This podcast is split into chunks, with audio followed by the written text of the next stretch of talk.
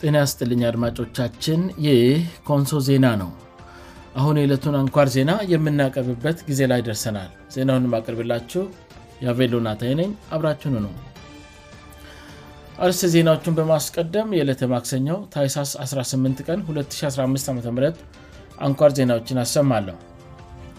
በኮንሶ ዞን የኩፍኝ ክትባት ዘመቻ እየተካሄደ ነው የኢትዮጵያ መከላከያ ሰራዊት በመቀለ ህገ መንግሥታዊ ሀላፍነቱን የመወጣት ስራውን በዚህ ሳምንት እንደመጀምር ተገለጸ አሜሪካና ኔቶ ሩሲያን ለማጥፋት በዩክራይን የጦር ሜዳ ላይ ድልን መቀዳጀት ይፈልጋሉ ተባለ አሁን ዜናውን በዝርዝር አሰማለሁ በኮንሶ ዞን የኩፍኝ ክትባት ዘመቻ እየተካሄደ ነው በኮንሶ ዞን ከ5 ዓመት በታች ለሆኑ ሕፃናት የኩፍኝ ክትባት በዘመቻ መልክ መሰጠት መጀመሩን የዞን መንግስት ኮሚኒኬሽን መስሪያ ቤት አስታወቀ ክትባቱ አገር አቀፍ የተቀናጀ የኩፍኝ በሽታን መከላከል ዘመቻ አካል መሆኑ የተገለጸ ሲሆን በኮንሶ ዞን ውስጥ የሚገኙ ሁሉም መዋቅሮች መጀመሩን የዞን ጤና መምሪያን ጠቅሶ የኮሚኒኬሽን መስሪያ ቤቱ በዘገባው አስታውቋል በክትባት ዘመቻው ከዚህ በፊት መደበኛ ክትባት ያልወሰዱና ክትባት መውሰድ ጀምረው ያቋረጡ ህፃናት ጭምር ተጠቃሚ እንደሚሆኑ የጤና መምሪያው ኃላፊ አቶ ደይገንቶ ኡርመለ መናገራቸው ተገልጿዋል ከኩፍኝ ክትባት ዘመቻው በተጓዳኝ የወድ ጥገኛ ትላተል የምግብ እጥረት በሽታ የአይን በሽታ የፌስቱላህመም ለየታእና እግራቸው የተቆለመመ ህፃናትንም የመለየት ሥራ እየተሰራ መሆኑም የክትባት ዘመቻው ተቆጣጣሪና በዞኑ ጤና መምሪያ የሥነተዋዶ ጤና ባለሙያ የሆኑት አቶ አራርሶ ጋሮ ተናግረዋል የክትባት ዘመቻውን ለማስጀመር የተለያዩ የዞን መንግሥት የሥራ ኃላፊዎች በተለያዩ አካባቢዎች ተገኝተው ማስጀመራቸው የተገለጸ ሲሆን ዘመቻው ከታይሳስ 17-እስከ 26 ቀን 215 ዓም ድረስ እንደሚሰጥ ከዚህ በፊት በኮሚኒኬሽን መስሪያ ቤት በኩል መገለጹ የሚታወስ ነው ይህ ቆንሶ ዜና ነው የመከላከያ ሰራዊት በመቀለ ህገ መንግስታዊ ሃላፍነቱን የመወጣት ስራውን በዚህ ሳምንት እንደሚጀምር ተገለጸ ከባድ የጦር መሳሪያዎችን የማስረከብና መከላከያ በመቀለ ህገመንግስታዊ ላፍነቱን የመወጣት ስራ በዚ ሳምንት እንደሚከውን አምባሳደር ረድዋን ሁሴን አስታወቁ የጠቅላይ ሚኒስትሩ የብሔራዊ ደህንነት አማካሪ ሚኒስትር አምባሳደር ረድዋን ሁሴን በህዝብ ተወካዮች ምክር ቤት አፈ ጉባኤ ታገሰ ጫፉ የተመራው የፈዴራል መንግሥት የልኡካን ቡድን በመቀለ የነበረውን ቆይታ አስመልክቶ ለጠቅላይ ሚኒስትር አብይ አህመድ ማብራሪያ ማቅረቡን አስታውቀዋል አምባሳደር ርዋን በትዊተር ገጻቸው ባሰፈሩ ጽሁፍ በሁለተኛው የናይሮቢ የሰላም ስምምነት መሠረት ህወሀት የታጠቃቸው ከባባድ የጦር መሣሪያዎችን ለመንግሥት የማስረከብ ሥራ እስከ ሐሙስ እንደሚከውን አስታውቋል በተጨማሪም የኢትዮጵያ የመከላከያ ሰራዊት በመቀለ ህገ መንግሥዊ ሀላፍነቱን መወጣት ይጀምራል ተብሎ እንደሚጠበቅም ገልዋል ማብራሪያውን ተከትሎም ጠቅላይ ሚኒስትር አብይ አህመድ በትግራይ ክልል የተጀመረው አገልግሎት የማቅረብ ስራ እንዲፋጠን መመሪያ መሰረታቸውንም ገልጸዋል በመመሪያ መሰረት የኢትዮጵያ አየር መንገድ ወደ መቀለ የሚያደርገውን በረራ በነገው ዕለት እንደሚጀምር እና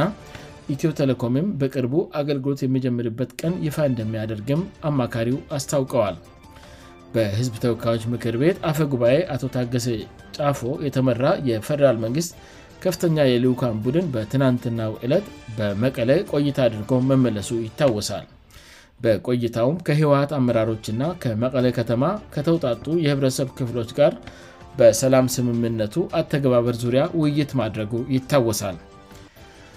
በተያያዘ ዜና የኢትዮጵያ አየር መንገድ ከነገ ጀምሮ ወደ መቀለ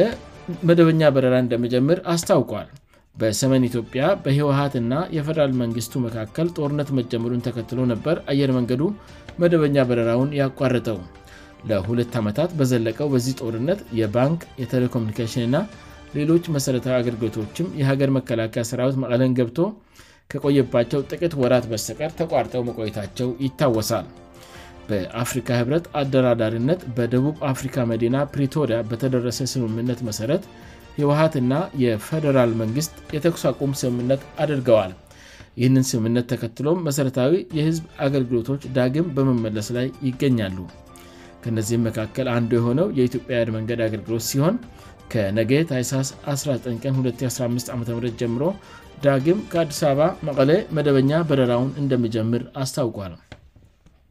በትላንትና ሁለትም በአፈ ጉባኤ ታገሰ ጫፎ የተመራ የፈደራል መንግስት ልኡካን ቡድን ወደ መቀላ አምርቶ ከተለያዩ አመራሮችእና የህዝብ ወኪሎች ጋር ተወያይቶ መመለሱ ይታወሳል በውይይቱ ወቅት የባንክ ትራንስፖርት የቴሌኮሚኒኬሽን ና ሌሎችን መሠረታዊ አገልግሎቶች እንዲጀመሩ ለፈደራል መንግስት ጥያቄ መቅረቡ ተገልጿዋል ይህ ኮንሶ ዜና ነው በመጨረሻ አሜሪካና ኔቶ ሩሲያን ለማጥፋት በዩሬይን የጦር ሜዳ ላይ ድልን መቀዳጀት ይፈልጋሉ ተባለ አሜሪካና ኔቶ ሩሲያን ለማጥፋት በዩክራይን ጦር ሜዳ ላይ ድል እየፈለጉ ነው ስሉ የሩሲያው የውጭ ጉዳይ ሚኒስተር ሰርጌይ ላሮቭ ተናገሩ ላቭሮቭ በሩሲያ መንግሥት ከሚመራው ታስ የዜና ወኪል ጋር ባደረጉት ቃል ምንልስ የምዕራቡ ዓለም ሀገራትና በእነሱ ቁጥጥር ስር የሚሽከረከሩት የክራን ፕሬዚደንት ቮሎዲሚር ዘለንስኪ ድርጊቶች የዩክሬን ቀውስ አለም አቀፋዊ ገጽታን የሚያረጋግጡ ናቸው ብለዋል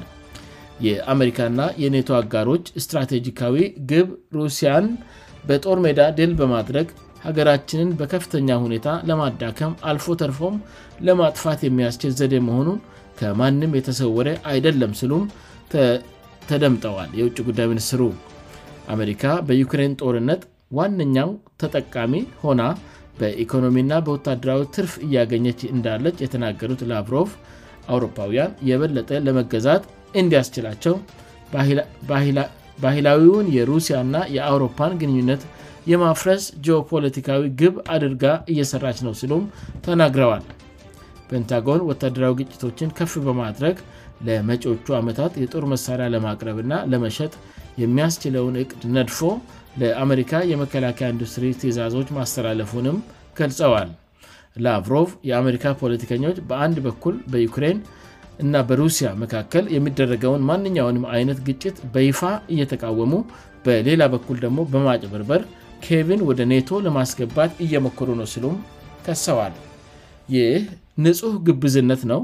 የህብረቱ አባል ሀገራት ከዩክሬን ጎን ተሰልፈው የግጭቱ አካል ሆነዋል ስሉም ተናግረዋል ከፍተኛ ዲፕሎማቱ ላቭሮቭ